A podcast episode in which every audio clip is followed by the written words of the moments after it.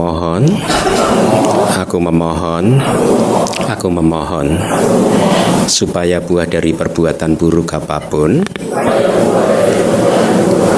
yang telah aku lakukan, baik melalui perbuatan, ucapan, dan pikiran, dapat terhindarkan, dan demi memperoleh jasa kebajikan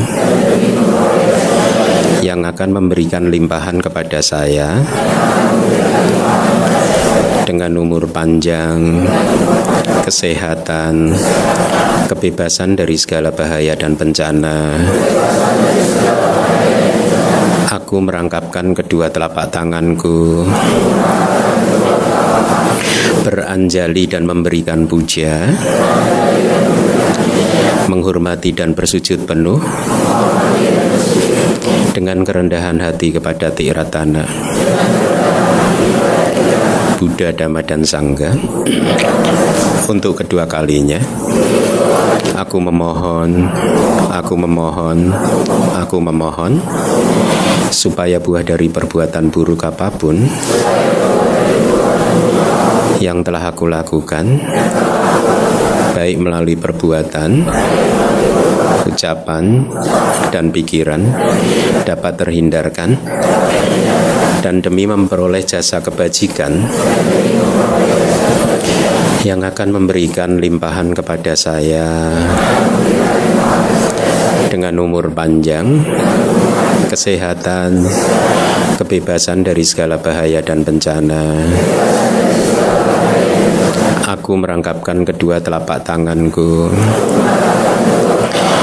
beranjali dan memberikan puja, menghormati dan bersujud penuh dengan kerendahan hati kepada Tiratana, Buddha, Dhamma, dan Sangga. Untuk ketiga kalinya, aku memohon, aku memohon, aku memohon, supaya buah dari perbuatan buruk apa pun yang telah aku lakukan baik melalui perbuatan, ucapan, dan pikiran dapat terhindarkan dan demi memperoleh jasa kebajikan yang akan memberikan limpahan kepada saya dengan umur panjang, kesehatan, kebebasan dari segala bahaya dan bencana. Aku merangkapkan kedua telapak tanganku, beranjali dan memberikan puja, menghormati dan bersujud penuh. Dengan kerendahan hati kepada Tiratana, Buddha, Dhamma, dan Sangga. Dan dengan perbuatan yang baik ini, melalui sujud yang luhur, Semoga aku selalu terbebas dari empat alam menyedihkan, tiga jenis malapetaka, delapan jenis keadaan yang tidak tepat, lima jenis musuh, empat jenis kemalangan, lima jenis kehilangan, segala jenis penyakit, dan 62 pandangan salah, serta secepatnya mencapai jalan kebebasan. Maka buah, pala, dan dhamma mulia, yaitu nibbana, ahang bante ti saranena saha panca silang damang ya jami anugahang katwa silang teta. Me bante dutiyampi ahang bante ti saranena saha panca silam damang ya jami anugahang katwa silang teta me bante. Tatiampi ahang bante. Ti saranena silam damang ya jami anugahang katwa silang teta. Me bante yamahang wadami tang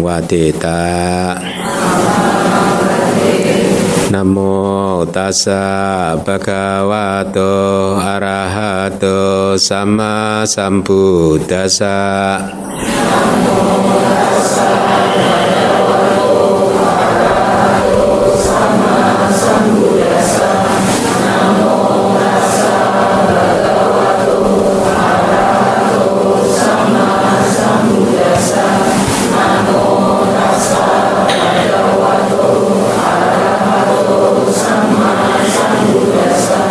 Budang seranang gajami Damang seranang gajami Sanggang seranang gajami.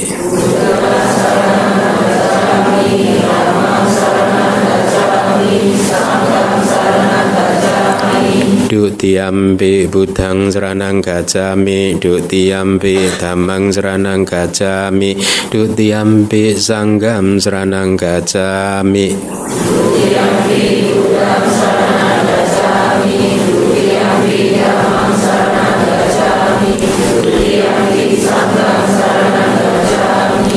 Tak tiampi budang seranang gajami Tak tiampi damang seranang gajami Tak tiampi sanggang seranang gajami. Tak tiampi budang seranang gajami Tak tiampi damang seranang gajami Tak tiampi sanggang seranang gajami. Ti sarana ganang paripunang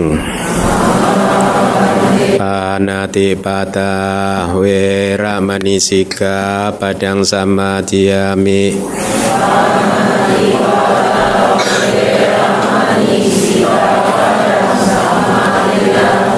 Adina Dana Wera Manisika Padang Samadhyami. Adina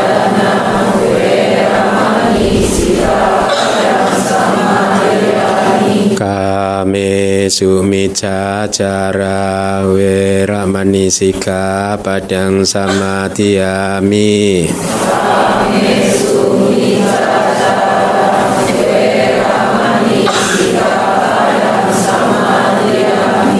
Sawada Wera Manisika Padang Samadhyami Sawada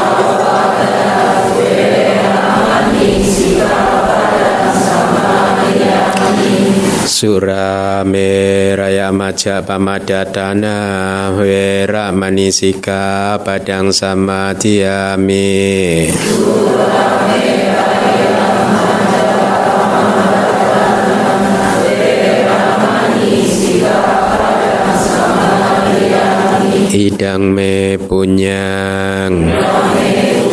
Asawakaya wahang Hotu Idang me silam.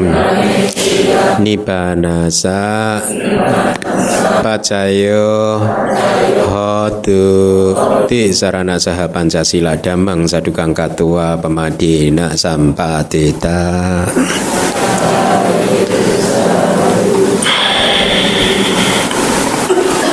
Uh, selamat pagi semuanya. Semoga Anda sehat. Kita kembali uh, melanjutkan pelajaran kita. Uh, sering kali saya sampaikan bahwa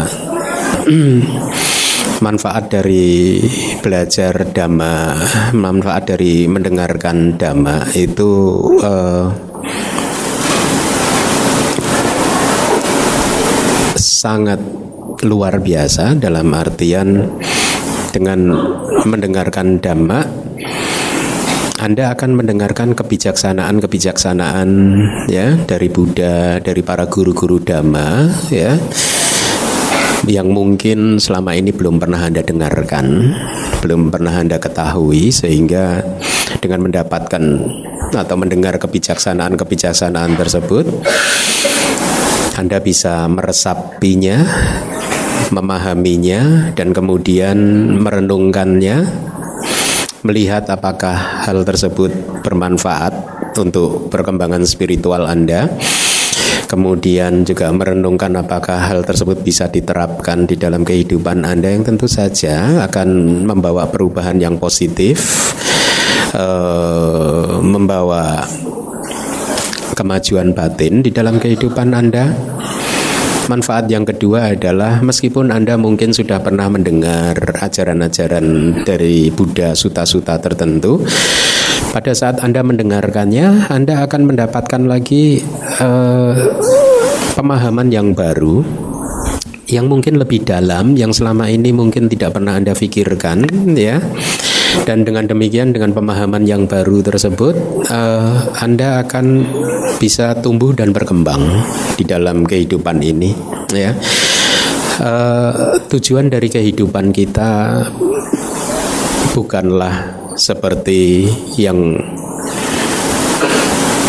banyak orang pikirkan bahwa hidup itu hanya masalah lahir, kemudian makan tidur, belajar, jadi sarjana, menikah, punya anak, punya cucu, game over. Banyak dari manusia di muka bumi ini menjalani kehidupannya dengan rutinitas yang seperti itu ya sekolah lulus sarjana bekerja menikah mengumpulkan uang kemudian membesarkan anak cucu dan selesai Dunia mereka sempit sekali.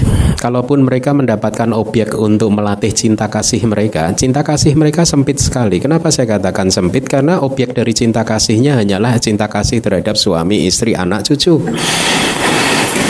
Atau kalau mereka mendapatkan kesempatan untuk melatih kewelas asihannya, mereka hanya melatih kewelas asihan terhadap suami, istri, anak, cucu.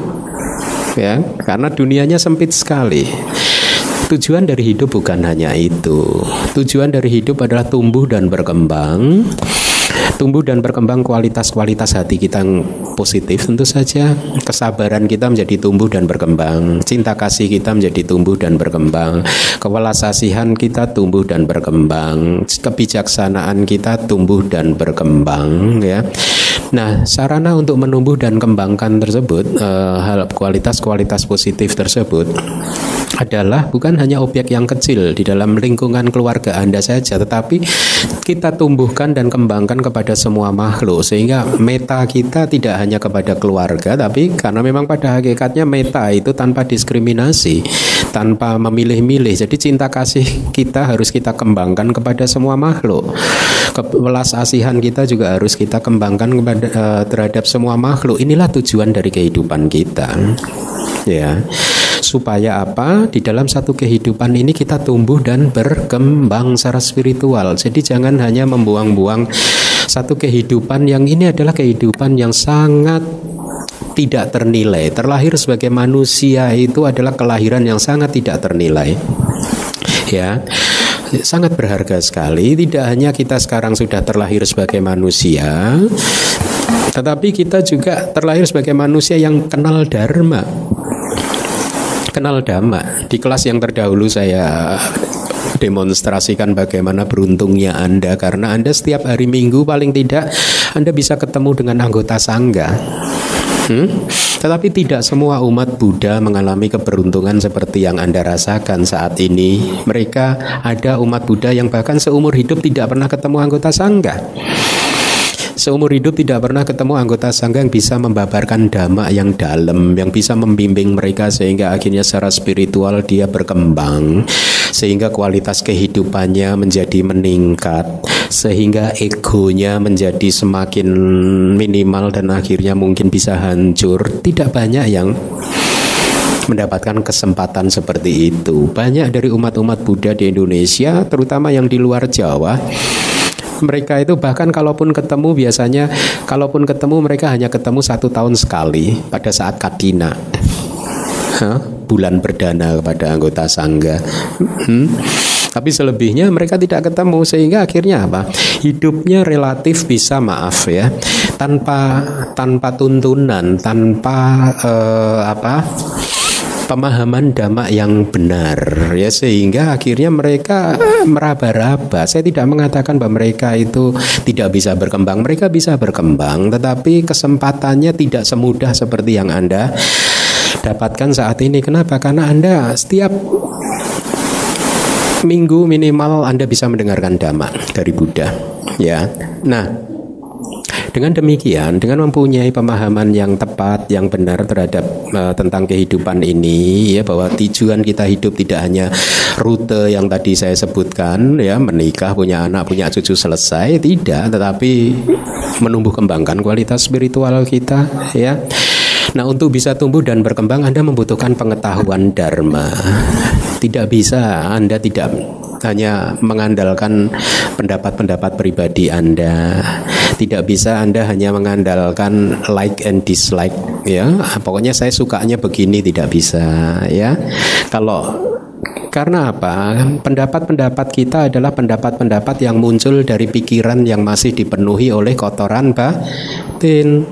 Ya, batin kita belum murni. Pendapat yang muncul dari batin yang belum murni itu bisa terdistorsi. Arahnya bisa salah ya.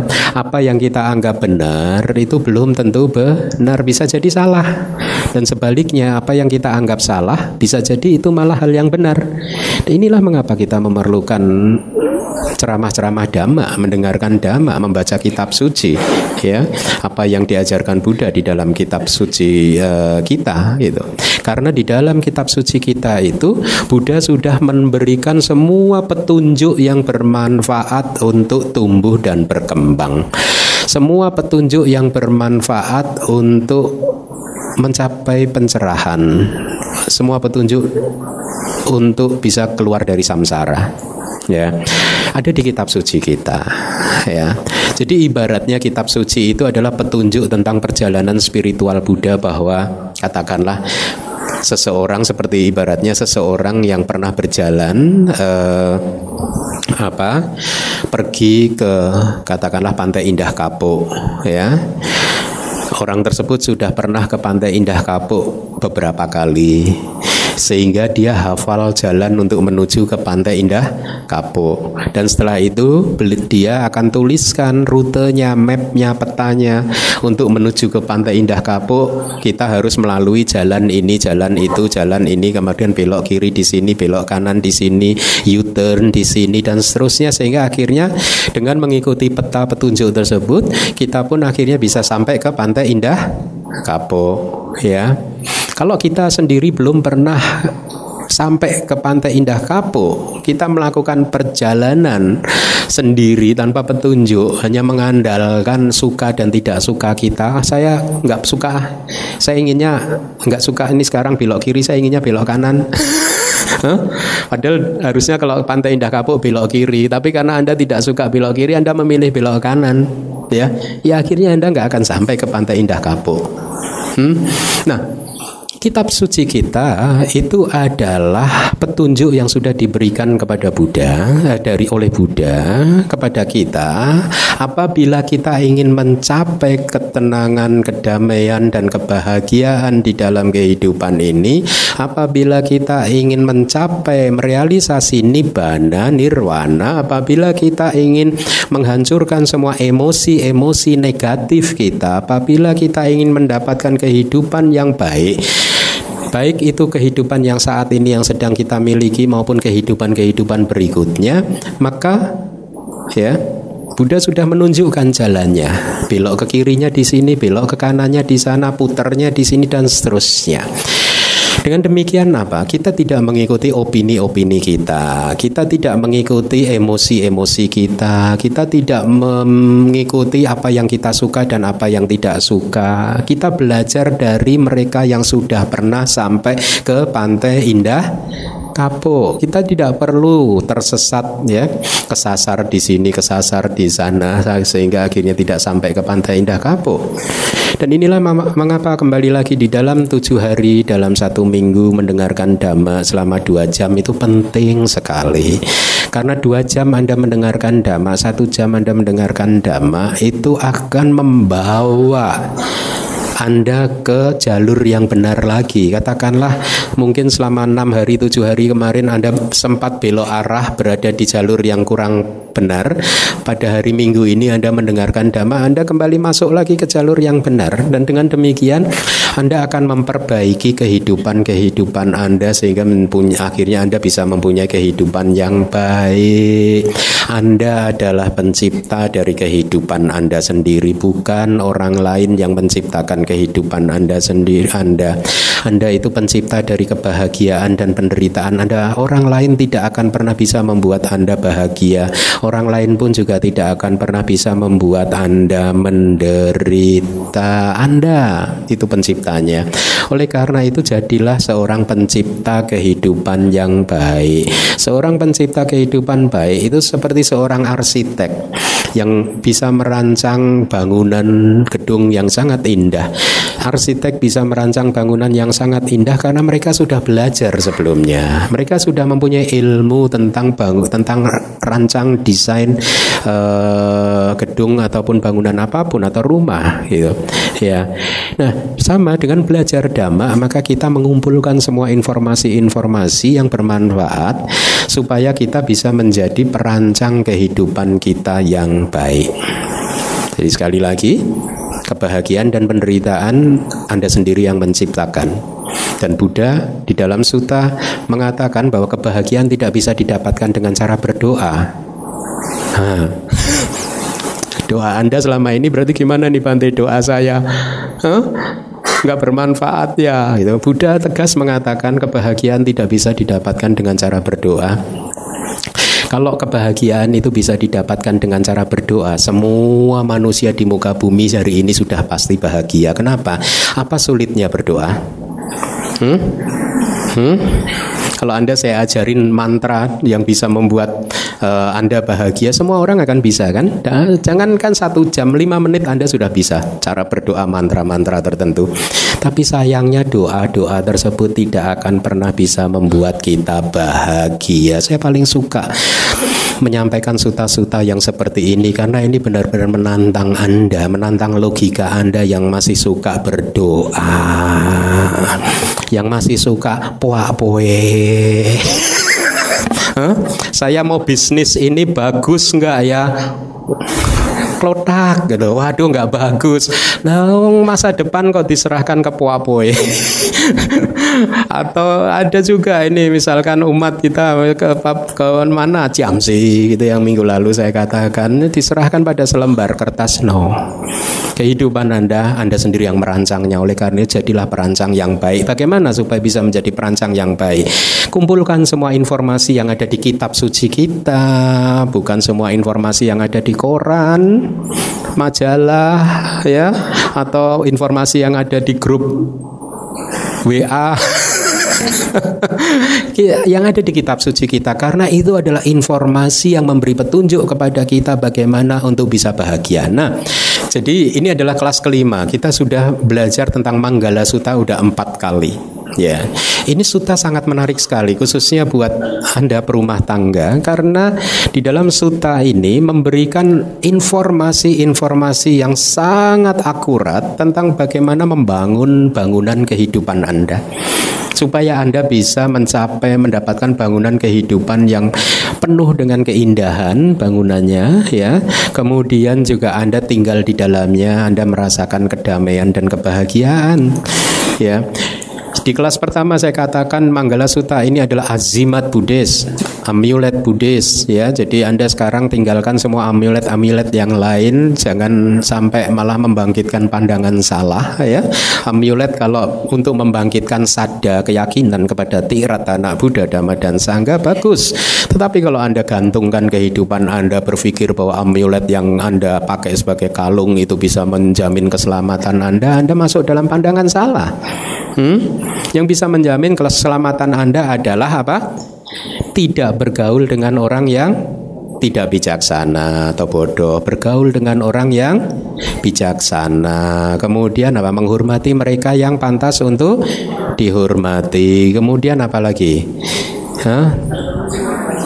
Ya, uh, Asewana Cak Balandang Panditan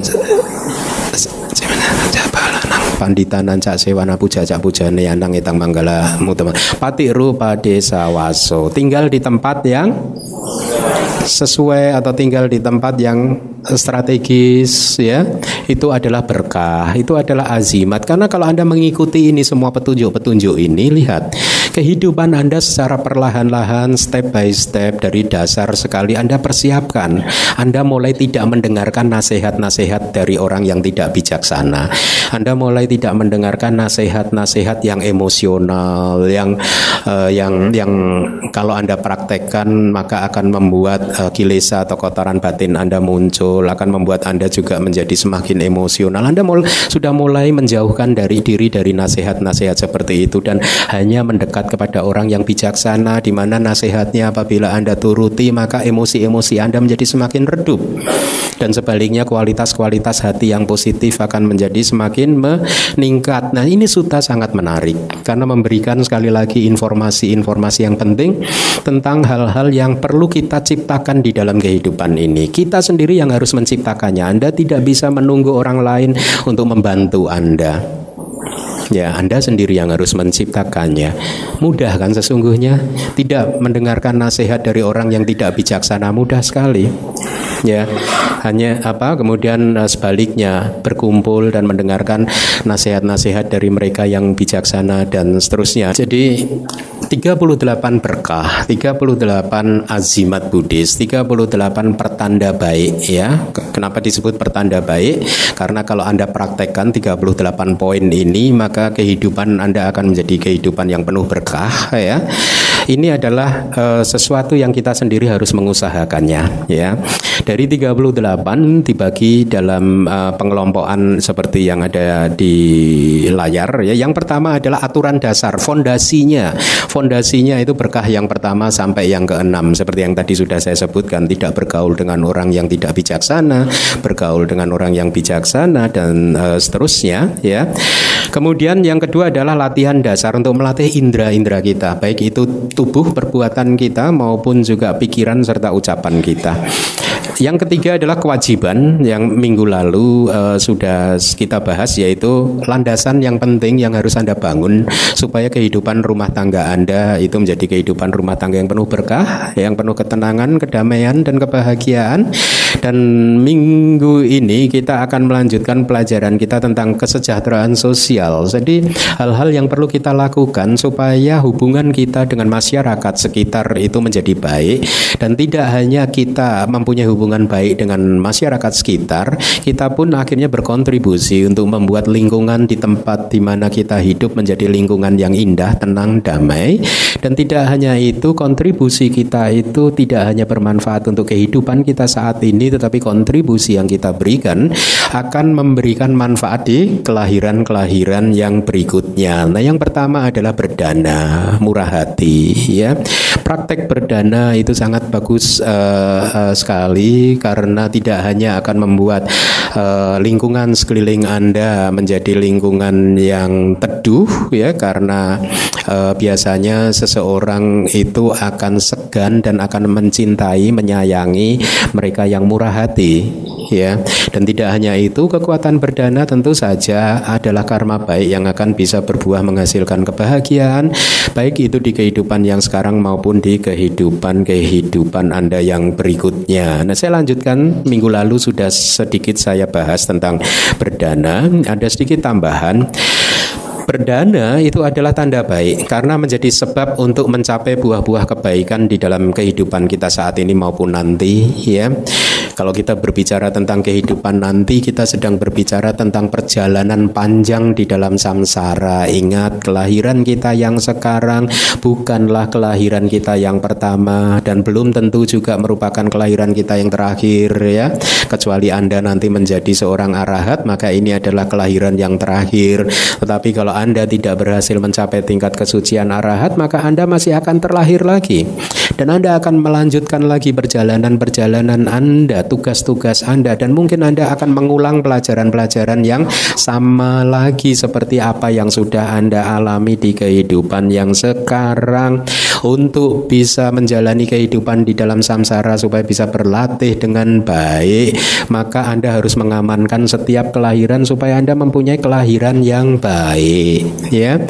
Bayangkan kalau kita sedang sakit saja, ya, pada saat kita sedang mengalami apa uh, penyakit tertentu, maka pada situasi-situasi seperti itu akan jadi sangat sulit buat kita untuk berlatih dhamma atau bahkan mungkin pada saat Anda mengalami banyak masalah di dalam kehidupan ini, maka pikiran Anda akan disibukkan oleh berbagai masalah yang sedang datang di dalam kehidupan ini yang akhirnya akan membuat Anda kesulitan untuk belajar dhamma, konsentrasi mendengarkan dhamma dan kemudian berlatih ya untuk memurnikan hati Anda untuk memurnikan pikiran Anda.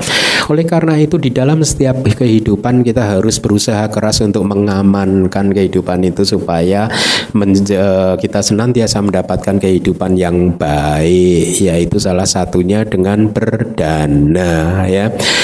Lihat kalimat Buddha, seorang yang suka berdana, siha, ya, siha itu jenderal perang ya, Seseorang yang suka berdana dan ahli di dalam memberi akan sangat disayangi dan dicintai oleh orang banyak.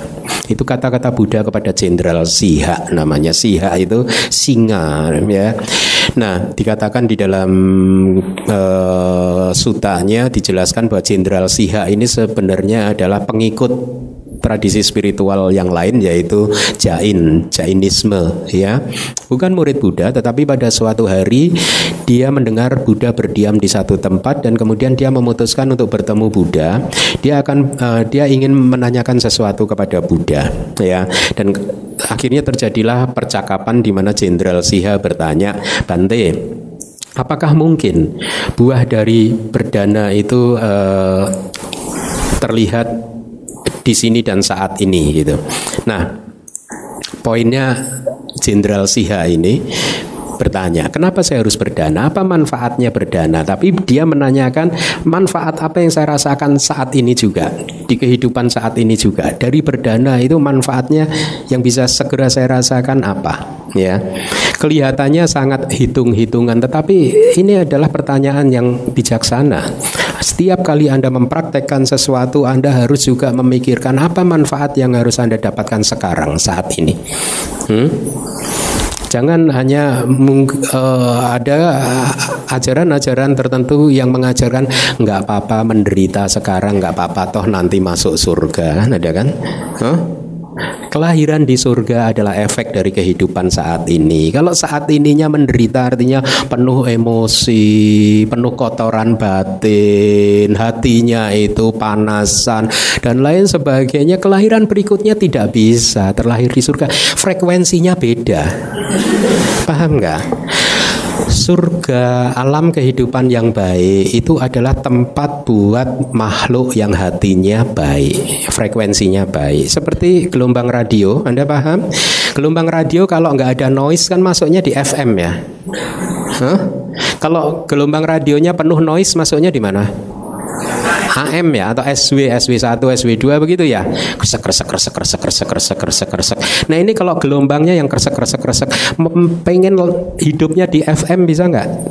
Nggak bisa. Nah, kalau hati Anda masih kresek kresek kresek kresek kresek, kok Anda ingin hidup di surga? Hah?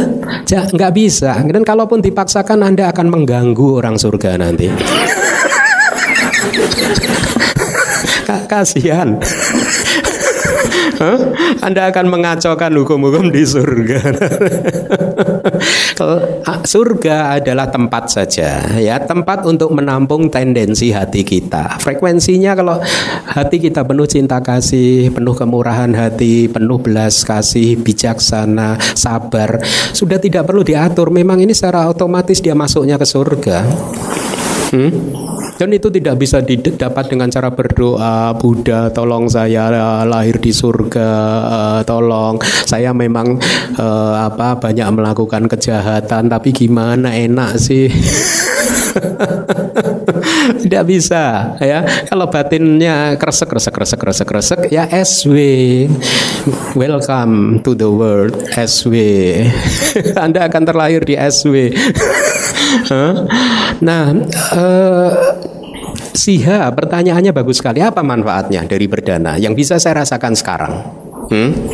Dia tidak menanyakan manfaat kehidupan setelah ini apa enggak? Dan ini juga pertanyaan yang harusnya Anda renungkan. Apa manfaat Anda berlatih sila sekarang juga ini? Hmm, apa manfaat Anda berlatih meditasi sekarang juga ini? Apa manfaat Anda mendengarkan dhamma sekarang juga ini? Hmm? Anda harus renungkan, oh, pada saat saya belajar dhamma saya mendapatkan kebijaksanaan yang baru dan kemudian hidup saya menjadi tenang. Saya berubah. Sudah banyak umat umat yang menyampaikan ke saya bagaimana kehidupan mereka berubah drastis sejak satu satu tahun satu setengah tahun ini. Ada beberapa menyampaikan kepada saya. Setiap kali mendengar hal tersebut saya sadu anumodana, ikut berbahagia ya, ikut bergembira bahwa akhirnya semakin banyak bumi ini diisi oleh manusia-manusia yang bahagia. Bumi ini menjadi berantakan karena masih banyak manusia yang tidak bahagia. Kalau bumi ini diisi oleh manusia-manusia yang bahagia, maka bumi akan menjadi tempat yang indah. Ya, uh, hidup akan menjadi nyaman, tentram. Ya, nah Kembali lagi, Jenderal Siha bertanya, lalu Buddha uh, menjawab seperti ini, uh, apa?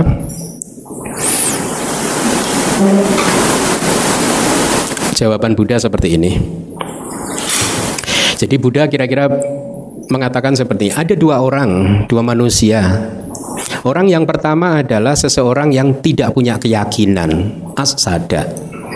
Asada, tidak punya keyakinan terhadap Buddha, Dhamma dan Sangha. Apa itu maksudnya tidak punya keyakinan terhadap Buddha, Dhamma dan Sangha?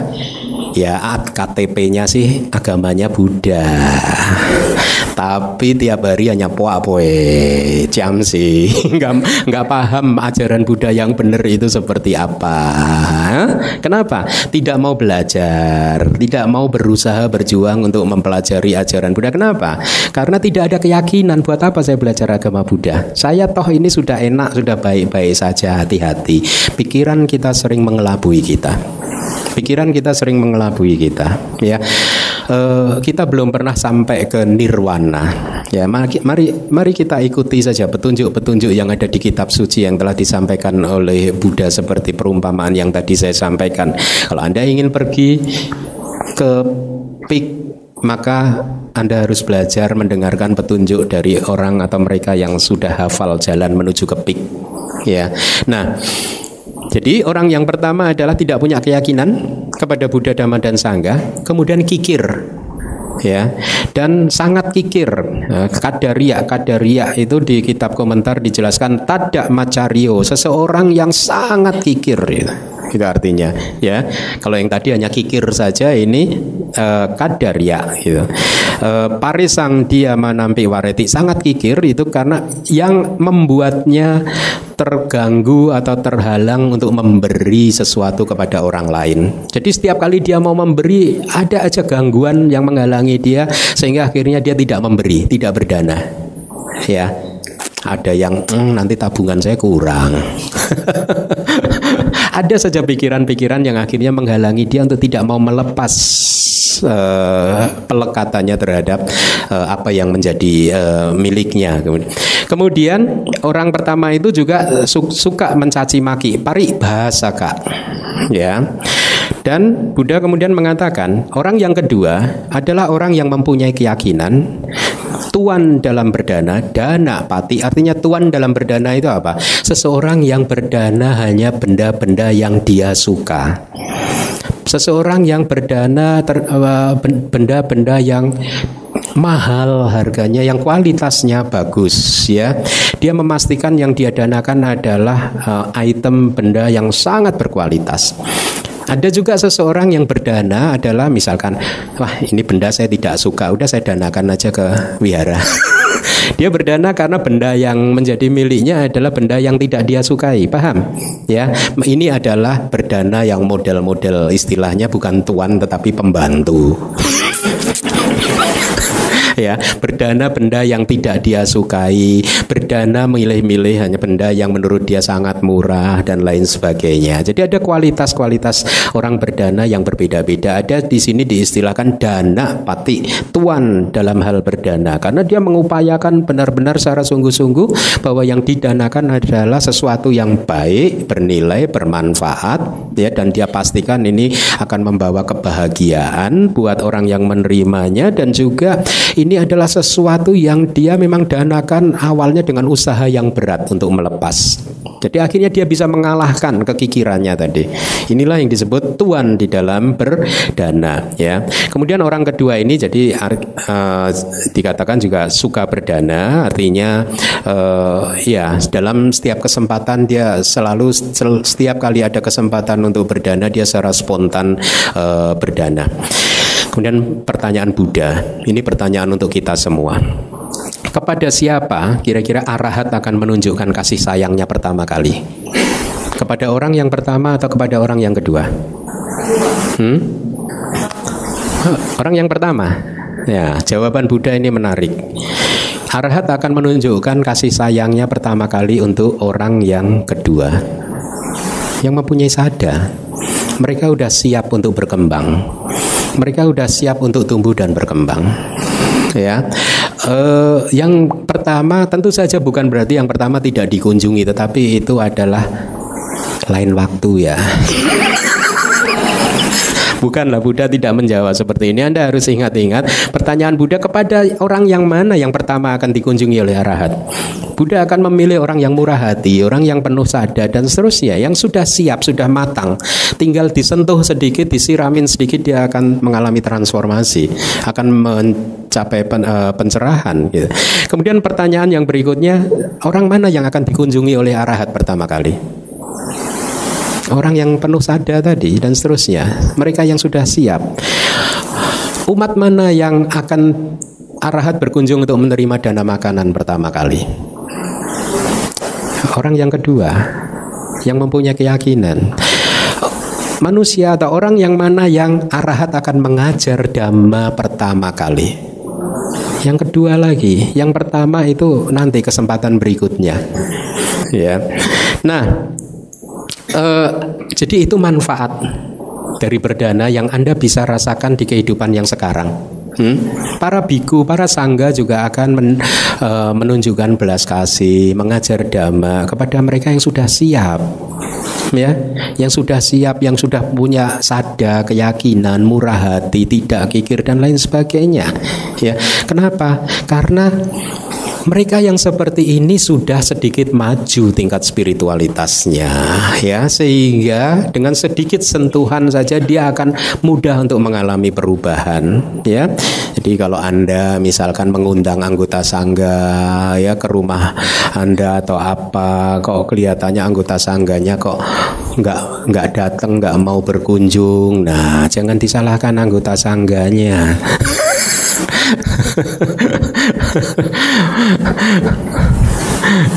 ya, nah itu manfaat yang bisa dirasakan di sini dan uh, saat ini. Kemudian manfaat yang lain adalah nama harum dari dermawan tersebut akan tersebar. Ini dari Buddha loh, bukan dari saya ya. Nama harum akan tersebar menjadi pembicaraan yang baik. Orang akan menghormati dermawan-dermawan tersebut dan orang akan terinspirasi dengan para orang yang sangat murah hati seperti itu. Dermawan membuat dunia ini menjadi indah ya karena memberi contoh kepada manusia manusia di sekelilingnya betapa ada di dalam kehidupan ini satu perbuatan yang mulia untuk melepaskan kepemilikan, melepaskan pelekatan, melepaskan apa yang menjadi miliknya hanya semata-mata untuk membantu makhluk lain. Bukankah itu satu perbuatan yang indah yang semakin membuat dunia ini menjadi indah karena akan ada saja manusia-manusia yang akan terinspirasi oleh perbuatan-perbuatan dermawan tersebut ya. Manfaat yang lain, dermawan akan mempunyai kepercayaan diri, berada di dalam komunitas apa pun dia akan mempunyai kepercayaan diri. Kenapa? Karena dia tahu bahwa dia tidak melakukan hal-hal yang tidak baik, dia telah banyak melakukan hal yang baik ya. Dia telah sering berdana, dia menjaga sila-silanya, dia berpengetahuan luas ya. Kemudian dia juga berlatih meditasi. Jadi di dalam komunitas apa pun tidak ada rasa ketakutan tidak ada rasa penyesalan ya. Penyesalan terhadap aduh saya masih ada yang kurang di dalam kehidupan ini yang belum saya lakukan. Tidak dia akan masuk di dalam komunitas apa pun dengan nyaman dan akan menginspirasi komunitas tersebut. Kemudian manfaat yang lain adalah setelah kehidupan ini Buddha berkata eh, dia akan terlahir di uh, surga atau terlahir di alam uh, bahagia. Nah, pada saat Buddha menyampaikan uh, kalau tidak salah ada tujuh manfaat yang bisa didapatkan uh, dari uh, apa uh, berdana, ya. Kemudian Jenderal Siha mengatakan bahwa saya sudah merasakan manfaat enam yang pertama ya kecuali manfaat yang terakhir saya belum merasakan gitu Nah, pada saat itu Buddha kemudian menjawab ya, seseorang yang memang hatinya sudah cenderung ke arah e, berdana, maka sudah bisa dipastikan setelah tubuh ini terurai, ya artinya meninggalkan kehidupan yang sekarang ini, dia akan terlahir di alam surga. Itu jaminan dari Buddha. Hmm? Seperti suta yang sering saya sampaikan, kalau ada pohon yang melengkung ke timur, sudah condong ke timur, begitu pohon ini ditebang dia jatuhnya ke timur atau ke barat? Ke timur. Anda yang mempunyai kualitas hati yang sudah condong ke arah yang baik ya, positif, jarang mengeluh ya, jarang berpikir yang negatif ya, jarang marah-marah, jarang uh, membangkitkan emosi-emosi negatif yang lain seperti kesombongan, penyesalan, kegelisahan, kemudian kikir dan lain sebagainya ya. Anda bebas dari hal-hal yang negatif tersebut. Ibaratnya Anda pohon yang sudah condong ke arah timur begitu ditebang Anda akan jatuh ke timur atau seperti perumpamaan gelombang radio tadi. Begitu kita meninggal dunia pasti secara otomatis kualitas batin yang positif akan masuk ke alam yang positif. Tidak ada yang mengatur, ya. Anda sendiri yang mengaturnya, ya. Kualitas batin yang negatif pasti juga akan masuk ke alam yang negatif. Tidak ada ceritanya orang baik masuk neraka. Bisa nggak orang baik masuk neraka? Tidak bisa. Oke, sekarang skenario nya bisa gitu. Kalau dia orang baik masuk neraka, lama-lama neraka akan jadi surga. Betul tidak? Huh? Kenapa? Karena orang baik tadi akan membangun neraka menjadi surga. Karena alam itu ciptaan kita kok. Huh? Kalau orang jahat masuk surga bisa nggak? Katakanlah bisa, katakanlah nggak bisa sih. Katakanlah bisa. Nanti lama-lama surga akan jadi neraka. Apa yang anda harapkan dari orang jahat hidup di surga? Hmm, ya, mana-mana dia di sana akan ngerumpi, bergunjing. Eh, itu ya dewa yang di sebelah itu saya sebel deh kayaknya. Itu dewa main itu sombong ya. Keretanya mentang-mentang kereta emas. Ah. Akhirnya dewa yang lain terpengaruh omongannya ikut bergunjing, saling memfitnah. Surga akhirnya jadi tempat bergunjing dan memfit. Nah, karena diisi oleh orang-orang yang seperti itu. Hmm? Apa yang diharapkan dari orang-orang yang memang kebiasaannya negatif? Apakah dengan hidup di surga dia akan berubah? Ya enggak, dia malah akan merubah surga menjadi neraka. Jadi hukumnya tidak seperti itu. Hukumnya adalah mereka yang batinnya positif akan terlahir di alam baik, mereka yang batinnya negatif akan terlahir di alam yang negatif atau alam yang tidak baik. Itu hukumnya, tidak ada yang mengatur. Hmm? Energi mental ini yang akan menemukan uh, apa alam kehidupannya masing-masing gitu. Kalau Anda suka marah-marah, hobi Anda marah-marah di dalam kehidupan ini, Nanti jangan khawatir hukum karma itu tidak pilih kasih. Hukum karma tahu apa yang Anda suka. Paham maksudnya? Kalau Anda sukanya marah-marah, hukum karma tahu, ya kan cinta kasih cinta kasih kepada Anda besar. Oh, si A ini sukanya marah-marah. Nanti akan dibawa masuk terlahir, Anda terlahir di alam supaya hobi Anda marah-marah itu bisa Anda jalankan setiap detik. Marah terus hidupnya. Di mana itu? Di neraka karena kepanasan, kebakar, marah terus kan api kok nggak padam-padam api. nah, jadi hobi Anda menjadi sempurna di sana. Hmm? Sama kalau Anda murah hati, ya hobi Anda berdana, ya Anda nanti akan terlahir di alam di mana hobi Anda akan semakin sempurna mendapat tempatnya. Anda akan terlahir di alam di mana Anda akan mudah sekali untuk berdana sesuai dengan kebiasaan-kebiasaan Anda. Oleh karena itu bangunlah kebiasaan yang baik, ya hati-hati, ya belum terlambat, belum terlambat. Karena kelahiran berikutnya akan ditentukan oleh pikiran Anda yang terakhir di dalam kehidupan ini. Ya, jadi berubahlah dari sekarang jangan nanti. Ya, berarti nanti aja sebelum terakhir aja bantai saya berubah. Manusia itu kan begitu ya. Memang Anda tahu kapan terakhirnya. Hah? Ingat, untuk mencapai titik akhir di dalam kehidupan itu syaratnya tidak harus tua. Muda juga bisa. Betul tidak? Uh, kalau Anda pikir ah saya masih muda kok, masih punya banyak waktu untuk melatih kok. Huh? Muda juga bisa langsung finish kok. Huh? Ah saya masih sehat nanti kalau kira-kira udah tubuhnya udah mulai sakit-sakitan saya baru berubah, baru berlatih. Untuk sampai titik akhir tadi tidak harus sakit. Hmm? Orang sehat yang tiba-tiba game over juga banyak. Hmm? Latihlah dari sekarang, latihlah dari sekarang, belum terlambat ya. Belajar Dharma harus mempunyai orientasi yang benar ya. Kita belajar Dharma adalah untuk tadi di awal yang saya sampaikan untuk tumbuh dan berkembang, tumbuh dan berkembang kualitas spiritual kita, tumbuh dan berkembang kemurahan hati kita, cinta kasih kita, kewelas asian kita, kesabaran kita, kebijaksanaan kita, dan semua emosi-emosi yang positif itu yang kita tumbuhkan dan kita kembangkan ya. Nah, jadi itu manfaat di sini dan saat ini dari berdana. Mari kita lanjutkan lagi. Ada jenis dana yang lain sesungguhnya yang juga uh, melebihi dari jenis dana yang lain uh, ya, yaitu dama da dana pemberian dama seperti mengajarkan dama seperti saat ini yang saya lakukan ya. Anda yang mengajar dama, Anda sedang berdama dana atau Anda mendukung uh, apa penerbitan buku-buku dhamma dan sebagainya, mendukung memberikan beasiswa kepada mereka untuk belajar dhamma di negeri-negeri Buddhis ya atau mendukung pusat-pusat pendidikan supaya pendidikan uh, dhamma itu terus berputar. Itu Anda juga mas terlibat di dalam dhamma dana ya. Nah, dhamma dana merupakan berkah atau pertanda yang baik karena dhamma dana akan menjadi landasan buat kita untuk memahami dan berlatih dengan benar. Memahami jalan menuju ke pik tadi yang saya katakan di awal. Memahami jalan untuk menuju ke nibbana, ke nirwana, ya. Dan berlatih dengan benar, ya, berlatih yang sesuai dengan petunjuk Buddha, bukan berlatih dengan sesuai petunjuk dari siapa pun itu yang bukan Buddha. Karena kalau Anda ingin mencapai keadaan kehidupan, kualitas kehidupan yang tenang, damai dan bahagia, maka ajaran Buddha ini yang paling pas ya.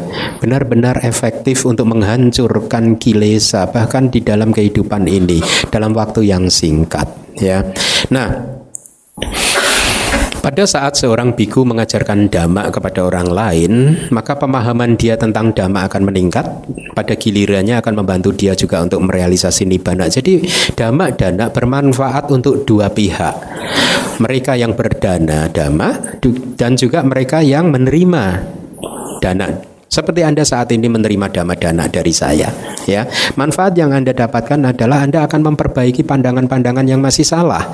Anda akan memperbaiki perilaku-perilaku yang masih salah, ya. Anda memperbaiki ucapan-ucapan yang masih salah, ya. Sehingga akhirnya Anda akan menjadi lebih positif, lebih baik ya. Transformasi batin akan terjadi ya. Dengan demikian si pendengar dari penerima dari dhamma dana mendapat manfaat. Saya sebagai seseorang uh, subjek yang memberikan dhamma dana pun juga memberikan manfaat. Kenapa? Karena pemahaman saya meningkat. Panya parami saya kesempurnaan kebijaksanaan saya semakin meningkat dan sempurna. Panya parami dan juga meta parami kalau saya nggak punya meta pada anda saya nggak mau mengajar dhamma betul tidak karena saya Jadi meta saya menjadi semakin sempur. Nah, kesabaran saya juga meningkat gara-gara Anda. Anda itu sudah lima tahun kok nggak lulus lulus loh, sampai sekarang masih aja mengejar saya. Sabar, sabar. Saya harus bersabar, ya. Saya kadang bayangkan kenapa Anda nggak cepat-cepat lulus? Hmm? Kalau Anda cepat lulus dan tidak datang lagi kepada saya kan saya hari Minggu begini bisa bebas bermeditasi. Ya, tapi karena Anda datang maka saya harus sabar, sabar. Jadi lihat, Anda memberikan kesempatan kepada saya untuk menyempurnakan parami-parami saya. Hmm? Kedua belah pihak tumbuh dan berkembang. Ini adalah komunitas yang baik, komunitas yang sehat. Kenapa? Karena Anda berkembang, saya berkembang. Saya mendukung Anda untuk berkembang. Anda juga mendukung saya untuk berkembang dengan apa? Tadi melatih kesabaran saya. ya, bukan melatih cinta kasih saya juga sehingga menjadi makin sempurna. Kebijaksanaan saya juga bertambah karena pada saat mempersiapkan pelajaran-pelajaran seperti ini saya harus membongkar kitab kita, kitab suci kita. Dengan demikian pengetahuan kebijaksanaan saya juga bertambah ya. Dan kalau parami-paraminya ini sudah penuh 10 parami ini maka Ya, menurut kitab-kitab komentar pencapaian tingkat kesucian arahat menjadi dimungkinkan. Ya, jadi kembali lagi tujuan kita hidup bukan untuk menjalani rute yang tadi saya sebutkan di awal, lahir, makan, tidur, sekolah, sarjana, kerja, menikah, punya anak, punya cucu, selesai, bukan? Tetapi tujuan dari kehidupan adalah untuk tumbuh dan berkembang. Anda masih ingat cerita research yang dilakukan mungkin di Amerika yang uh, beberapa orang duduk di ruang tunggu dokter pasien, ya, tet begitu bel berbunyi, kemudian orangnya bangkit, hmm? masih ingat ya, ya. Kebanyakan manusia hanya research ini membuktikan saja e, kesimpulannya adalah bahwa kebanyakan manusia menjalankan kehidupannya hanya dengan mengikuti tradisi-tradisi budaya-budaya dari leluhur-leluhur mereka tanpa pernah mempertanyakan apakah ini adalah tradisi yang benar, budaya yang benar yang bisa membuat saya tenang, damai, bahagia keluar dari segala bentuk penderitaan atau tidak. Anda hanya mengikuti saja. Rata-rata manusia seperti itu. Oh, orang tua saya setelah umur 25 menikah berarti saya net menikah. ya. Nah, tetapi tradisi-tradisi budaya-budaya tertentu ya belum tentu itu bisa meningkatkan kualitas kehidupan Anda, meningkatkan kualitas spiritual Anda. Hanya dhamma yang akan bisa membuat kualitas kehidupan kita tumbuh dan berkembang. Ya, mari kita lanjutkan. Berkah yang berikutnya adalah berperilaku sesuai dhamma. Apa itu berperilaku sesuai dhamma ya? Artinya mempraktekkan 10 kama baik terus anda harus berlatih untuk uh, semakin sering melakukan karma-karma baik. Ya, Anda harus hafalkan 10 karma baik itu apa. Hah? Hafal tidak? Tidak hafal kan? Jangan-jangan Anda berpikir bahwa yang Anda lakukan 10 karma baik padahal itu 10 karma buruk. Waduh Bante selama ini saya kebalik Bante. Terbalik ya Bante. Wah, saya pikir kemarin saya sudah melakukan 10 karma baik. Loh, ternyata 10 karma buruk. Pantas enak Bante. Hafalkan 10 karma baik ya. Dan kemudian praktekkan dilatih. Karena hidup ini hanya latihan saja kok. Anda harus melatihnya pelan-pelan Anda latih. Yang tadinya tidak suka berdana Anda harus latih untuk berdana. Tadinya tidak suka mengamalkan sila, sekarang pelan-pelan Anda amalkan sila. Tadinya tidak suka mengamalkan upo sata sila, Anda harus pelan-pelan mengamalkan upo sata sila. Ya, dilatih ya, supaya kita makin terampil, makin mahir ya.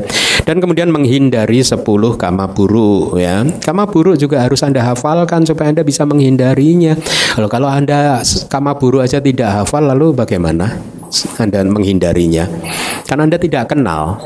Kalau Anda kenal kan, eh ada karma buruk di depan, mari kita hindari. Nah, mudah kan? Kalau Anda nggak kenal, eh siapa itu? Ya, malah Anda ajak kenalan.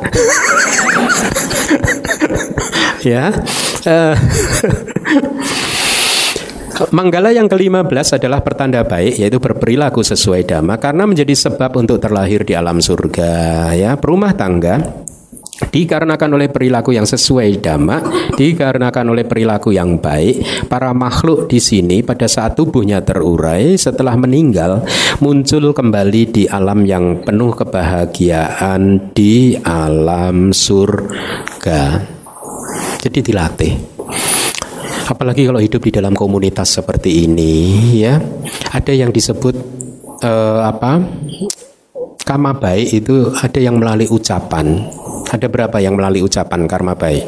Menahan diri untuk tidak berbohong menahan diri untuk tidak memfitnah menahan diri untuk tidak mengucapkan kata-kata kasar dan omong kosong yang ngomongin K-drama sinetron. Itu kalau kalau kita hanya ber, membicarakannya hanya untuk memuaskan nafsu-nafsu kita maka itu adalah ucapan yang tidak baik. Tapi kalau kita membicarakan sinetron kemudian kita analisa sesuai dhamma eh sinetron ini ya ke drama ini ya menurut ceramah Bante Keminda kemarin itu berarti nah itu bagus. Berarti itu eh, apa Anda sedang berperilaku sesuai dengan dhamma ya kembali lagi, apalagi di dalam komunitas seperti ini ini ya, ucapan harus dijaga. Ucapan itu harus benar-benar diperhatikan ya. Jangan mengucapkan kata-kata yang hanya menyakiti telinga orang yang mendengarkan. Jangan mengucapkan kata-kata yang tidak bermanfaat. Jangan mengucapkan kata-kata yang hanya akan memecah belah. Jangan mengucapkan kata-kata yang isinya hanya memfitnah sesuatu yang tidak mengandung kebenaran dan lain sebagainya. Kita sebagai satu komunitas ini kita harus ingat bahwa masing-masing dari kita ini adalah makhluk yang belum tercerahkan. Karena makhluk yang belum tercerahkan itu cenderung akan mudah terkena infeksi. Infeksi kekotoran batin dari lingkungan kita. Ya. Kalau Anda bergaul dengan orang yang negatif, yang penuh uh, keluhan, ya suka marah-marah, maka cepat atau lambat Anda akan terpengaruh, Anda akan terkena infeksi itu. Ya. Emosi negatif itu seperti penyakit menular. Hmm? Maka kalau bagus sekali kalau diadakan gerakan setiap umat membawa apa masker. Begitu ada umat kita abdi dhamma misalkan ini ya mengucapkan kata-kata yang tidak benar, bergunjing, memfitnah, memecah belah, langsung aja pakai maskernya gitu supaya apa menahan diri untuk tidak berkata-kata atau selotip ya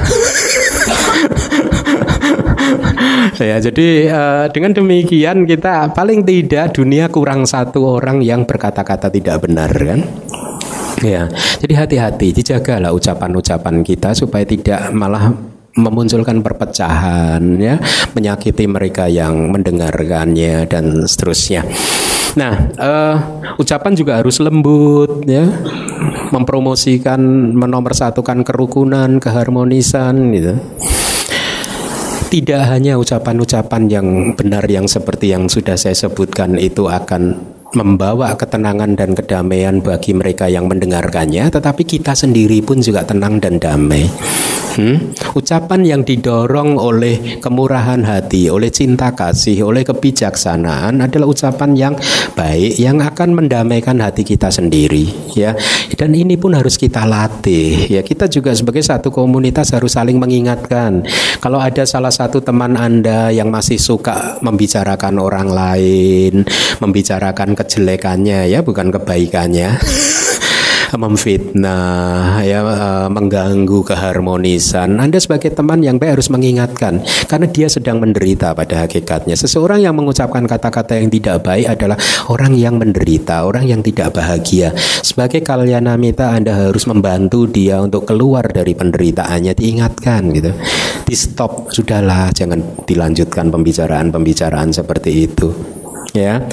Nah, jadi dengan berperilaku sesuai dhamma kita akan mendapatkan berkah tidak hanya bahagia di kehidupan saat ini juga janji dari Buddha yang mengerti hukum karma, hukum sebab dan akibat, Buddha mengatakan di kehidupan berikutnya pun dia akan terlahir di alam yang baik. Yang berikutnya adalah menolong sanak keluarga. Apa itu sanak keluarga? Ini kewajiban kita loh kita harus menolong sanak keluarga. Tujuh generasi ke atas dan tujuh generasi ke bawah. Ini dari kitab komentar. Ya. Artinya menolong apa? Membantu mereka untuk keluar dari kesulitan. Kalau mereka sedang membutuhkan bantuan kita bantu. Membantu mereka memberi mencukupi sandang dan pangan mereka. Ya kalau mereka mau bepergian jauh kita memberi uang saku kepada mereka dan seterusnya. Ya. Dengan demikian maka eh, Anda juga menciptakan berkah yang berikutnya yang nomor 16 yaitu menolong sanak keluarga. Yang ke-17 bertindak tanpa celah. Apa itu bertindak tanpa celah? Sesuatu yang harus Anda praktekkan. Kalau ada uposata, ya Anda datang kepada biku mengambil uposata sila, melatih sila. Tidak hanya terus-terusan lima sila, tetapi di hari-hari uposata Anda melatih uposata sila. Menjadi sukarelawan di dalam aktivitas-aktivitas yang baik. Itu pun juga berperilaku yang terpuji tanpa celah. Aktif di kegiatan sosial, menanam pohon untuk kepentingan masyarakat, membuat jembatan dan lain-lain. Ya, ini kata-kata Buddha. Sangatlah mungkin wisaka ini perempuan yang murah hati di zaman Buddha bahwa seseorang atau seorang wanita maupun lelaki setelah mengamalkan hari uposata mempraktekkan uh, mematuhi hari uposata ya melatih diri dengan mempraktekkan delapan sila pada saat tubuhnya terurai maka dia akan muncul kembali di lingkungan para dewa empat maharaja. Jadi Anda mengamankan juga kehidupan berikutnya supaya makin uh, masih mudah untuk melanjutkan latihan-latihan Anda ya. Yang uh, berikutnya menghindari dan uh, menahan diri kejahatan. Uh, ini cukup menarik. Karena ini cukup menarik, saya rasa I will save it for next week. Ini sangat menarik, sangat panjang ya. Kalau diuraikan sangat panjang. Jadi dengan demikian kita tutup aja kelas kita sekarang biar Anda tertarik minggu depan datang lagi. Baik, terima kasih. Ya, Anumodami Bante atas uh, Dhamma Desananya. Sekarang kita uh, masuki uh, sesi tanya jawab. Mungkin dari Kanemita ada yang ingin bertanya? Selamat siang Bante. Saya mau nanya Bante tentang berdana. Uh, setahu saya kan kalau berdana sama orang yang melanggar sila uh, pasti uh, nilainya kecil gitu ya Bante. Pertanyaan saya gini, boleh nggak sih saya punya sifat saya nggak mau berdana sama orang yang pelanggaran sila tapi saya mau berdana sama anggota sangga aja gitu Bante. Boleh nggak? Terima kasih. Berdana itu ada dua jen, uh, dua klasifikasi. yang disebut punya. Punya itu kebajikan. Ya. Kalau kita sedang berbicara berdana sebagai satu kebajikan, memang Buddha mengajarkan ada hitungan-hitungan tadi. Misalkan berdana kepada binatang itu berbeda hasilnya dengan berdana kepada manusia yang tidak bermoral. Ada tujuh atau empat belas eh, individu itu ada 14 mungkin ya kita hitung. Berdana yang paling rendah kita berdana kepada binatang sepiring makanan kepada binatang itu akan membawa manfaat mungkin 100 kali kehidupan kira-kira di dalam suta itu seperti itu. Tapi kalau satu piring makanan ini kita danakan kepada manusia yang tidak bermoral, yang tidak menjaga sila, maka ini pun hasilnya juga lebih tinggi karena mempunyai kekuatan untuk memunculkan buah di seribu kelahiran dan seterusnya. Kemudian Berdana yang lebih tinggi kepada manusia biasa yang bermoral. Kemudian yang keempat adalah manusia biasa yang mempunyai jana. Ya. Kemudian yang kelima adalah berdana kepada sotapana ya sotapati maga pala dan seterusnya jadi 8 harusnya 14 yang tertinggi adalah berdana kepada Buddha ya jadi atau kalau kita berdana kepada komunitas dana yang tertinggi adalah dana kepada sangga ya jadi ini adalah analisa dana dalam konteks kebajikan punya ya yang akan memberikan buah dengan kekuatannya yang berbeda-beda. Tetapi dana juga bisa menjadi dana parami, kesempurnaan di dalam dana, ya berdana. Dana di dalam parami tidak memerlukan objek yang seperti tadi. Kesempurnaan di dalam berdana justru pada saat kita nggak suka membantu kita harus bantu. Nah itu kita sedang menyempurnakan dana parami kita. Ya dana parami itu bebas dari pilih-pilih tadi. Ya siapa pun kita bantu. Itu kalau kita sedang melatih dana parami. Ya jadi ada dua kalau sebagai kebajikan, sebagai karma baik, memang Buddha mengajarkan ada perbedaan kualitas buahnya. Tetapi kalau berbicara tentang parami, kesempurnaan, maka ya kita harus membantu kepada siapa saja. Hanya dengan demikian, nah, seperti bodhisatta dulu. Bodhisatta melakukan kebajikan, eh, para menyempurnakan parami-paraminya itu objeknya itu siapa pun juga. Bahkan pada saat dia menjadi wesantara, anak istrinya diminta pun dia juga beri dirugikan gitu ya. Jadi dia hanya berdana dengan tujuan untuk menghancurkan pelekatannya, menghancurkan keserakahannya gitu ya. Jadi berbeda. Jadi kalau pertanyaan Anda salah tidak kalau saya tidak mau berdana kepada objek A dan hanya kepada objek B, sebaiknya kalau Anda mempunyai kesempatan untuk berdana kepada siapa pun berdanalah hmm, berdanalah gitu ya. Dengan niat yang baik berdanalah. Karena tidak ada ruginya. Dananca ani palang itu kata-kata Buddha. Danan dananca ani palang. Tidak ada dana yang tidak berbuah. Itu kata-kata Buddha ya. Semua dana bisa menghasilkan efek buah ya. Baik terima kasih. Ada yang lain nama budaya Bante. Hmm. Aku mau nanya. Seseorang yang berdana misalnya keseluruhan miliknya gitu. Misalnya dia memiliki sejumlah uang dan dia mendanakan seluruhnya dibandingkan dengan orang yang mendanakan misalnya sebagian karena dia merasa dia butuh untuk kehidupan dia pokoknya um, dia nggak ingin dana itu tuh membebani hidupnya dia akhirnya dia mendanakan sebagian apakah lebih baik dia berdana sebesar mungkin atau dia berdana sesuai dengan kemampuannya? Iya, tergantung pada prakteknya sih. Ya, kalau praktek bodhisatta seperti bodhisatwa kita dulu di banyak cerita di apa Jataka, beliau sering mendanakan semua gitu. Bahkan eh, anggota tubuhnya juga dia danakan, anggota tubuh bahkan tadi anak istrinya juga dia danakan ya. Ya. Jangan ditiru yang ini mentang-mentang. Anda bukan bodhisattva. Ya. Makanya saya katakan tadi tergantung prakteknya. Kalau kalau bodhisatta mungkin akan melakukan itu. Ya melakukan itu. Tapi kayaknya kita bukan bodhisatta jadi mana yang harus kita lakukan? Kita harus memikirkan kelangsungan kehidupan kita juga. Ya kelangsungan hidup tidak berlebihan. Pokoknya kita bisa menjalani kehidupan ini dengan baik. Ada seseorang yang uh, sedemikian kikirnya meskipun hidupnya sudah berlebihan gitu dia benar-benar uh, berhemat gitu. Padahal kekayaannya tidak bisa dihabiskan di dalam satu kehidupan ini Ya, saking berhematnya dia juga dalam hal berbuat baik dia juga berhemat. Nah, orang yang seperti ini malah sesungguhnya tidak mengerti ilmu untuk mencapai kebahagiaan, ilmu untuk menjadi orang yang kaya. Anda tahu nggak rahasia kekayaan orang yang kaya itu kenapa? Karena dia sering berdana. Hmm? Jadi kalau Anda mau kaya itu bukan dengan berhemat malah. Dengan sering berdana Anda pasti akan kaya. Hmm? Ya, mereka yang sukses di dalam kehidupan ini adalah mereka yang sudah baik tradisi kebiasaan berdananya, baik itu di kehidupan lampau maupun di kehidupan yang sekarang ya.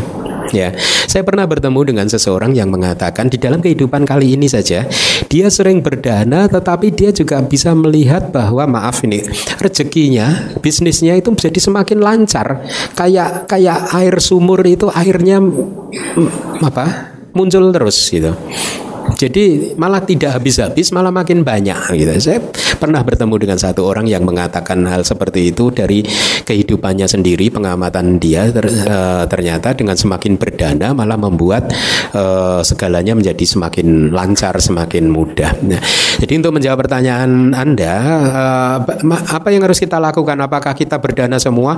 Kalau kita danakan semua dan kemudian akan membuat hidup kita akan dapat masalah, maka ya jangan dilakukan. Karena itu pasti akan mengganggu uh, apa latihan kita akan menjadi trigger untuk memunculkan defilements, kotoran-kotoran batin, emosi-emosi negatif akan membuat kita juga menjadi hidup penuh dengan kesulitan seperti kata-kata Buddha uh, apa itu Dali diang bikawe dukang loka semingka bukino ini kata-kata Buddha Wahai para biku Kemiskinan adalah penderitaan buat orang-orang yang masih hidup Penuh dengan mengejar kenikmatan indrawi Atau orang rumah tangga. Ya seperti anda-anda. Kenapa? Buddha mengatakan Kalau seseorang yang miskin akhirnya tidak tahu bagaimana besok harus melanjutkan kehidupannya Akhirnya mengharuskan dia untuk berhutang. Itu pun sudah satu penderitaan Itu kata-kata Buddha.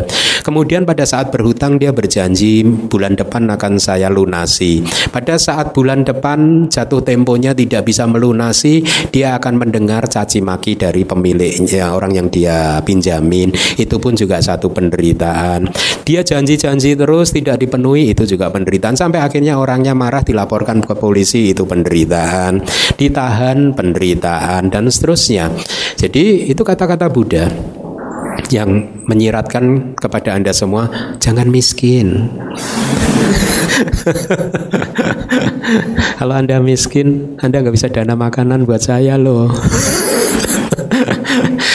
Jadi jawabannya adalah uh, gunakan kebijaksanaan supaya kehidupan masih tetap bisa berlangsung. Jangan memutuskan sesuatu secara emosional, ya. Tetapi Anda harus pastikan karena kadang emosional tidak hanya berkaitan dengan memberikan semuanya, tetapi emosional juga bisa berdampak pada kekikiran ya kekikiran. Kalau kita bisa memberi katakanlah e, seribu ya sudah seribu kita beri gitu. Jangan kemudian dan kita sudah perhitungkan bahwa sisanya masih cukup untuk kita melanjutkan kehidupan atau besok toh juga ada rezeki lagi karena bisnis masih berputar misalkan.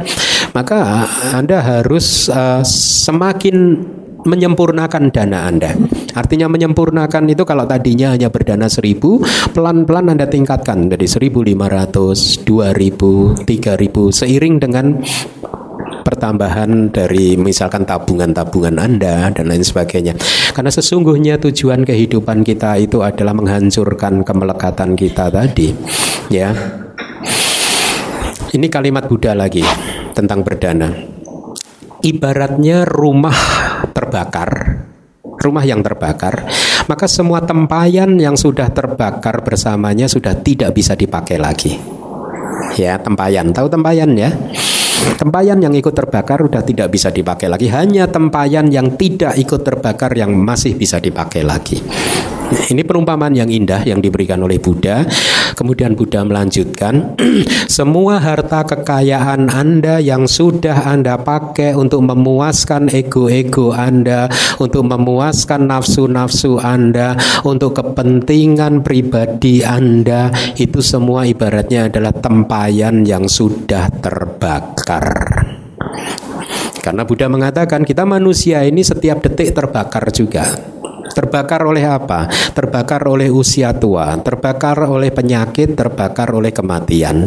Jadi semua duit uang Anda yang Anda pakai untuk hanya menyenangkan kesenangan sendiri ya, untuk menyenangkan diri sendiri, untuk memuaskan nafsu-nafsu Anda, uang-uang tersebut itu adalah ibaratnya tempayan yang sudah terbakar, yang sudah tidak akan bisa Anda pakai di kehidupan berikutnya. Tetapi dana Anda yang Anda berikan tuh dana parami, dana ini, dana itu dan lain sebagainya untuk menolong orang lain ya. Tidak hanya uh, di lingkungan Buddhis, mungkin ada teman-teman Anda yang non Buddhis yang membutuhkan bantuan kemudian Anda bantu dengan dana-dana Anda, maka itu adalah ibaratnya tempayan yang tidak ikut terbakar. Dana Anda yang Anda pakai untuk menolong orang lain, untuk melepaskan pelekatan kita, itu adalah tempayan yang tidak terbakar, yang masih bisa dipakai di kehidupan kita yang berikutnya. Itu nanti yang akan mengikuti Anda terus yang akan mendukung lancarnya bisnis Anda, yang akan mendukung mudahnya Anda mencari uang di dalam kehidupan ini ataupun besok ya, yang akan mendukung Anda untuk mencapai nibbana juga. Ya karena kalau dana parami Anda sudah sempurna, benar-benar sempurna, nibbana sudah di depan mata. Ya, jadi sekarang Anda hitung berapa persen dari Anda, dana Anda, uang Anda yang ibaratnya adalah tempayan yang sudah terbakar. Hmm? Kalau di sebelah ada tempayan yang tidak terbakar itu 10 persen. Huh? Huh? Anda berapa persen? yang tidak terbakar? Dua setengah persen. Jadi kira-kira begitu, Felicia? Oke, okay. ada yang lain? Nama budaya Bante. Nah, Bante saya mau nanya, uh, kalau melepas makhluk hidup itu berdana termasuk berdana nggak? Melepas makhluk hidup itu adalah apa ya dana ya dana untuk membantu makhluk tersebut keluar dari bahayanya ya jadi sebenarnya filosofinya adalah makhluk yang sedang berada di dalam bahaya kita selamatkan, kita lepaskan sehingga dia terbebas dari bahaya. Ya, itu yang disebut function gitu kan? Ya. Tetapi ada cerita ironis dan tragis yang saya temui di Sumatera pada waktu saya masih suka keliling itu dulu. di setiap ceit capko itu ada abang-abang naik sepeda di belakangnya kandang berisi burung. Parkir di depan wihara dari jam 9 pagi sampai sore. Kenapa? Karena abang ini pinter Nah, naluri bisnisnya jalan. Umat Buddha kalau setiap jahit capgo pasti akan function. Ya, maka dia jualan burung tuh di depan wihara. Ya, pada saat saya pertama kali melihat karena saya awal-awal waktu itu belum pernah melihat praktek seperti itu di Indonesia kan. Pada saat saya melihat saya udah tertegun gitu. Kenapa? Karena melihat burungnya udah kurus kering, kering kerontang, ya kurus kering. Kemudian saya tungguin kan aktivitas umat. Ternyata kejadiannya seperti ini. Kalau ada umat beli burung tersebut kemudian dilepaskan burung itu rata-rata tidak kuat terbang. Akhirnya jalan terseok-seok. Kasihan gitu. Dan ada juga sempat uh, ada saya lihat di tengah jalan itu ada bangkai burung terlindas mobil gitu karena dia mungkin burung tadi uh, terseok-seok berjalan menyeberang mobil pelan-pelan akhirnya kelindas mobil jadi rata-rata burung yang dijual abang-abang itu begitu dilepas tidak bisa terbang rata-rata. Kalaupun ini pendek sekali. Jadi intinya burung tersebut menderita pada saat dijual oleh abang-abang tersebut. Nah kita lacak, saya lacak. Ini burung dari mana? Abang-abangnya cerita, dia nangkepin dari sawah. Jadi logikanya sekarang begini, ini burung-burung tadi itu sesungguhnya burung yang bahagia. Gara-gara Anda suka function jadi malah menderita. Kebalik nggak logikanya? Hah? Ini gara-gara tradisi Anda setiap jahit, go function dengan cara mudah beli di depan wihara dan Anda tidak pernah melacak dari mana asal burung-burung itu. Ini burung-burung yang tadinya udah sampai surga loh ini. Gara-gara Anda jahit, go function malah ditangkepin nama abang-abang tersebut. Ya? Tangkep. Ada lagi katanya di Thailand ini. Saya diberi cerita. Fungsinya burung merpati. Anda tahu burung merpati kan? Dia itu bisa pulang ke rumah, merpati tak pernah ingkar janji kan. Hah? Saya dengar cerita ini dari teman biku. Jadi Capgo orang tersebut jualan merpati di depan wihara dan umat beli loh. Dan anda tahu begitu dibeli merpatinya dilepas balik ke rumah si abang-abang tadi lagi. Wah ini bisnis bagus ini modal kecil untung besar kan? Ya enggak? ya enggak? Modalnya kecil hanya melatih burung. Nah ini gimana? Saya bilang gitu terjadi loh di satu wihara katanya gitu. Nah, jadi abaya dana Anda harus lihat filosofinya ya, memberi A tanpa bahaya, kebebasan dari bahaya. Kita berdana untuk membebaskan makhluk dari bahaya. Jadi dari logika ini akhirnya yang berdana abaya yang benar seperti apa function yang benar ya Anda pergi ke pasar-pasar ikan apa yang jual ikan yang masih hidup gitu kan pada saat si penjualnya sedang mau membunuh itu apanya pisaunya sudah diangkat Anda langsung stop gitu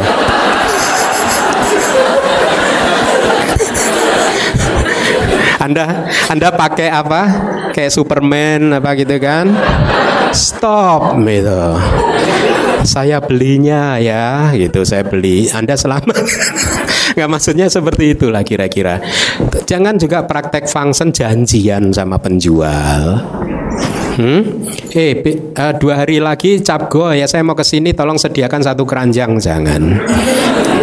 Hmm?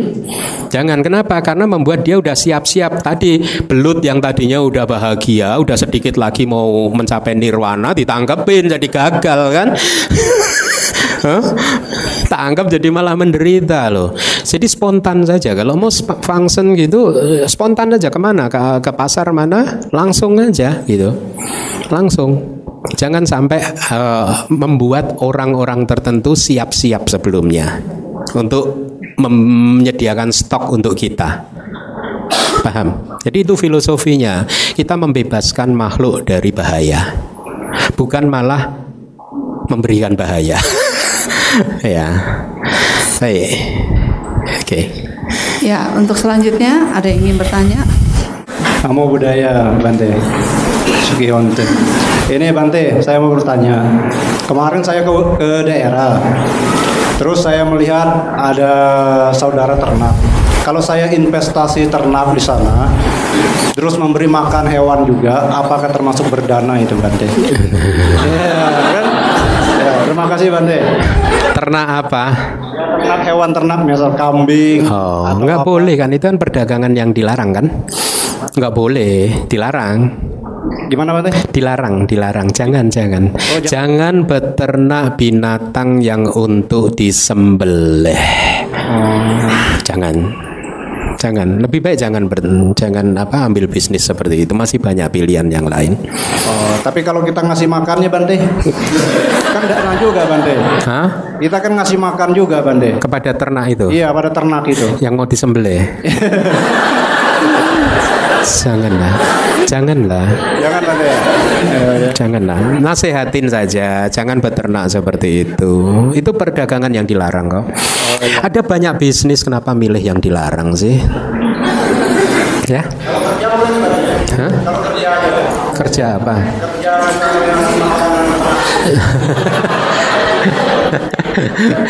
Ada banyak pilihan. Kenapa sih kok pengen yang berbahaya berbahaya gitu? ya, oke. Ini yang depan ini. Iya. Bante, kalau kita kan umat perumah tangga masih eh, berkaitan kehidupan sehari-hari bekerja. Terus kadang kalau di kantor atau mungkin kita kerja di pemerintahan, kadang mau nggak mau kita namanya bermain namanya politik. Dan ibaratnya di zaman sekarang tuh makin ibaratnya kalau kamu nggak berani gigit, saya gigit kamu dulu. Ibaratnya Maksudnya? begitu kan. Eh, apa? Jadi kayak misalnya adu power atau kekuatan, maksudnya yang lebih apa saling kalau kamu nggak gigit saya, saya gigit kamu duluan. Testing power kamu sampai semana. Nah, kita gimana sih menghadapi politik di kantor atau mungkin kalau kita kerja ketika udah level tertentu kan kita mengalami namanya eh, tanpa kita sadari akhirnya eh, kalau kita lagi gigit orang kita gigit balik jadi kita kayak berbuat kejahatan gak sih Bante? Maksudnya gigit gimana kan? Maksudnya itu kita eh, apa seperti adu politik Bante mungkin kayak kayak di gimana Saingan. kita untuk tetap kompetisi. dia dalam kompetisi itu eh, kadang sehat tapi dia bermain tidak sehat mau nggak mau saya kita harus kick balik gitu Bante. nah itu gimana Bante untuk tetap mema- memaintain kita punya eh, jangan sampai kita juga ikut terbawa arus sih Bante. Iya. Iya. Atau memang itu udah eh, mau nggak mau walau sudah terjun di duniawi ya mau nggak mau kita Enggak lah. seperti itu juga. Enggak, masih bisa ya. Jadi ini sama dengan penanya sebelumnya ini berkaitan dengan penghidupan yang benar kan, ya cara hidup yang benar, ma, mata pencaharian yang benar. Kalau nasihat Buddha itu mata pencaharian yang benar adalah mata pencaharian yang tidak melanggar sila, itu mata pencarian benar. Jadi ya artinya di dalam mendapatkan mencari uang kita tidak boleh berbohong dan lain sebagainya gitu. Tidak ada pelanggaran sila terlibat di dalam sana. Eh, misalkan seperti maaf nih nelayan itu juga dia menjaring ikan untuk mata pencarian itu mata pencarian yang tidak benar gitu ya. Jadi carilah lakukan eh, mencari penghidupan yang tidak melanggar sila itu nasihat Buddha. Kemudian ada lima perdagangan yang juga dilarang di dalam Buddhism. Ya ini juga dilarang oleh Buddha. Perdagangan senjata, perdagangan manusia, human trafficking, kemudian tadi da- perdagangan daging atau binatang ternak yang untuk disembelih tadi kemudian perdagangan racun dan minuman keras ya jadi sebenarnya itu guideline-nya guideline-nya itu ya jadi anda harus eh, mempertimbangkan dengan penuh kebijaksanaan ya efek atau manfaat yang Anda dapatkan katakanlah dari berbisnis dengan melanggar sila itu hanyalah kebahagiaan sesaat saja. Ya, kebahagiaannya itu sebenarnya sesaat. Ya, tidak berlangsung lama. Tetapi efek dari pelanggaran sila itu bisa lama loh dan terrible. Bisa memunculkan kelahiran di alam bawah. Neraka peta asura binatang. Efek dari pelanggaran sila itu ya. Bisa membuat seseorang terlahir di alam yang penuh penderitaan dan itu bisa bermiliar-miliar tahun ya jadi mana yang akan kita pilih? Mendapatkan kebahagiaan sesaat dengan risiko akan menderita selama bermiliar-miliar tahun dan Buddha juga mengatakan di satu sutta sekali satu makhluk terlahir di empat alam apa ya akan sulit untuk bisa terlahir di alam yang baik perumpamaannya diberikan seperti kura-kura buta yang naik ke permukaan sam- eh, samudra untuk memasukkan lehernya di lingkaran itu. Dia dapat kesempatan 100 tahun hanya satu kali. Jadi sulit untuk terlahir di alam bawah. Kenapa? Karena di alam yang rendah tersebut keadaan batin kita itu cenderung relatif itu negatif terus penuh dengan kilesa terus. Sehingga akhirnya tidak hanya menyuburkan buah karma buruk kita tapi juga akan memunculkan karma buruk yang baru terus gitu. Jadi efeknya terlalu mahal kalau menurut saya ya dan seharusnya kita bertimbang seperti itu. Tidaklah worth it kenikmatan kebahagiaan yang tidak jelas seperti itu. Belum tentu Anda mendapatkan rezeki banyak Anda bahagia juga belum tentu. Ya kalaupun bahagia paling sesaat, tetapi berbahayanya kalau itu berbuah pelanggaran sila akan membuat orang tersebut seseorang ya saya tidak katakan siapa terlahir di alam bawah untuk jangka waktu yang lama. Terus mungkin Anda bertanya, gimana Bante kalau saya katakanlah tadi korupsi tadi, kemudian hasil korupsinya separuh saya danakan ke wihara. Gimana kira-kira? Ya kita nggak tahu kan kama itu kata Buddha acinte unthinkable kan. Tapi kan kita bisa mensimulasikan. Mensimulasinya kan begini berarti mencuri dan berdana. Mencuri adalah karma hitam, berdana adalah karma putih. Nah sekarang simulasinya seperti ini. Kalau karma hitamnya berbuah memunculkan kelahiran kembali, berarti dia akan terlahir di alam rendah, alam binatang katakanlah, ya. Kemudian karma putihnya berbuah sepanjang kehidupan, jadi dia akan menjadi binatang yang hidupnya nyaman. Itu simulasi pertama. Simulasi kedua dibalik, ya. Karma putihnya membuat dia terlahir di alam manusia, karma baiknya. Tapi karena ada karma hitam, dia akhirnya lahir jadi manusia itu hidupnya susah, sakit-sakitan, panjang umur lagi. Nah, ada dua pilihan. Anda pilih yang mana? Anda pilih jadi binatang hidupnya nyaman atau pilih jadi manusia hidupnya susah? Gak mau kan? Jangan langgar sila. Jelas kan? Nah, cari penghidupan yang lain. Jangan sampai mencari mata pencaharian yang hanya akan memunculkan kilesa, kotoran batin. Harusnya kita sudah merasa cukup. Saya rasa banyak dari Anda yang seharusnya rezeki Anda sudah cukup. Apa yang Anda kumpulkan sampai hari ini sudah cukup. Artinya sudah cukup itu tidak mungkin habis di dalam satu kehidupan ini. Maka buat Anda yang sudah cukup seperti ini, sudah tidak bisa menghabiskan tabungan-tabungan Anda, seharusnya kehidupan Anda akan menjadi lebih nyaman dan mulailah berlatih melatih dhamma secara benar ya. Misalkan dengan semakin sering berdana ya. Melatih sila mendengarkan dhamma bermeditasi dan lain sebagainya ya. Sudah kalau cukup ya cukup ya. Karena bisnis kalau diterus-teruskan nggak akan ada habisnya ya. Nafsu keinginan itu seperti sifatnya seperti air garam ya. Kalau ada orang air samudra air laut. Kalau ada orang yang kehausan dia minum air laut. Efeknya bukannya kehausannya sembuh tapi malah makin haus. Nafsu anda kalau tidak terkontrol akan terus menarik anda ke bawah terus. Tidak akan ada habisnya ya. Nafsu yang ini sudah terpenuhi nanti muncul nafsu berikutnya. Tidak akan ada habisnya. It's never ending story. Ya. Jadi kalau anda sudah cukup di dalam kehidupan ini katakan dalam diri anda yes cukup. Sekarang saya akan lebih untuk memurnikan hati saya. Saya akan lebih membuat tempayan yang tidak terbakar itu saya akan berlatih dhamma dengan lebih. Karena itu sesungguhnya tujuan kehidupan kita. Tujuan kehidupan tidak seperti tadi saya katakan di awal. Menikah mengumpulkan uang habis itu selesai. Tidak. Tujuan kehidupan kita adalah untuk tumbuh dan berkembang. Ya. Tumbuh dan berkembang. Semua kualitas-kualitas hati kita harus tumbuh dan berkembang. Itu sebenarnya tujuan hidup. Ya. Jadi kalau ada bisnis yang malah akan membuat anda semakin mengkeret ya jangan dilakukan. Ya baik. Risikonya terlalu mahal. Oke. okay.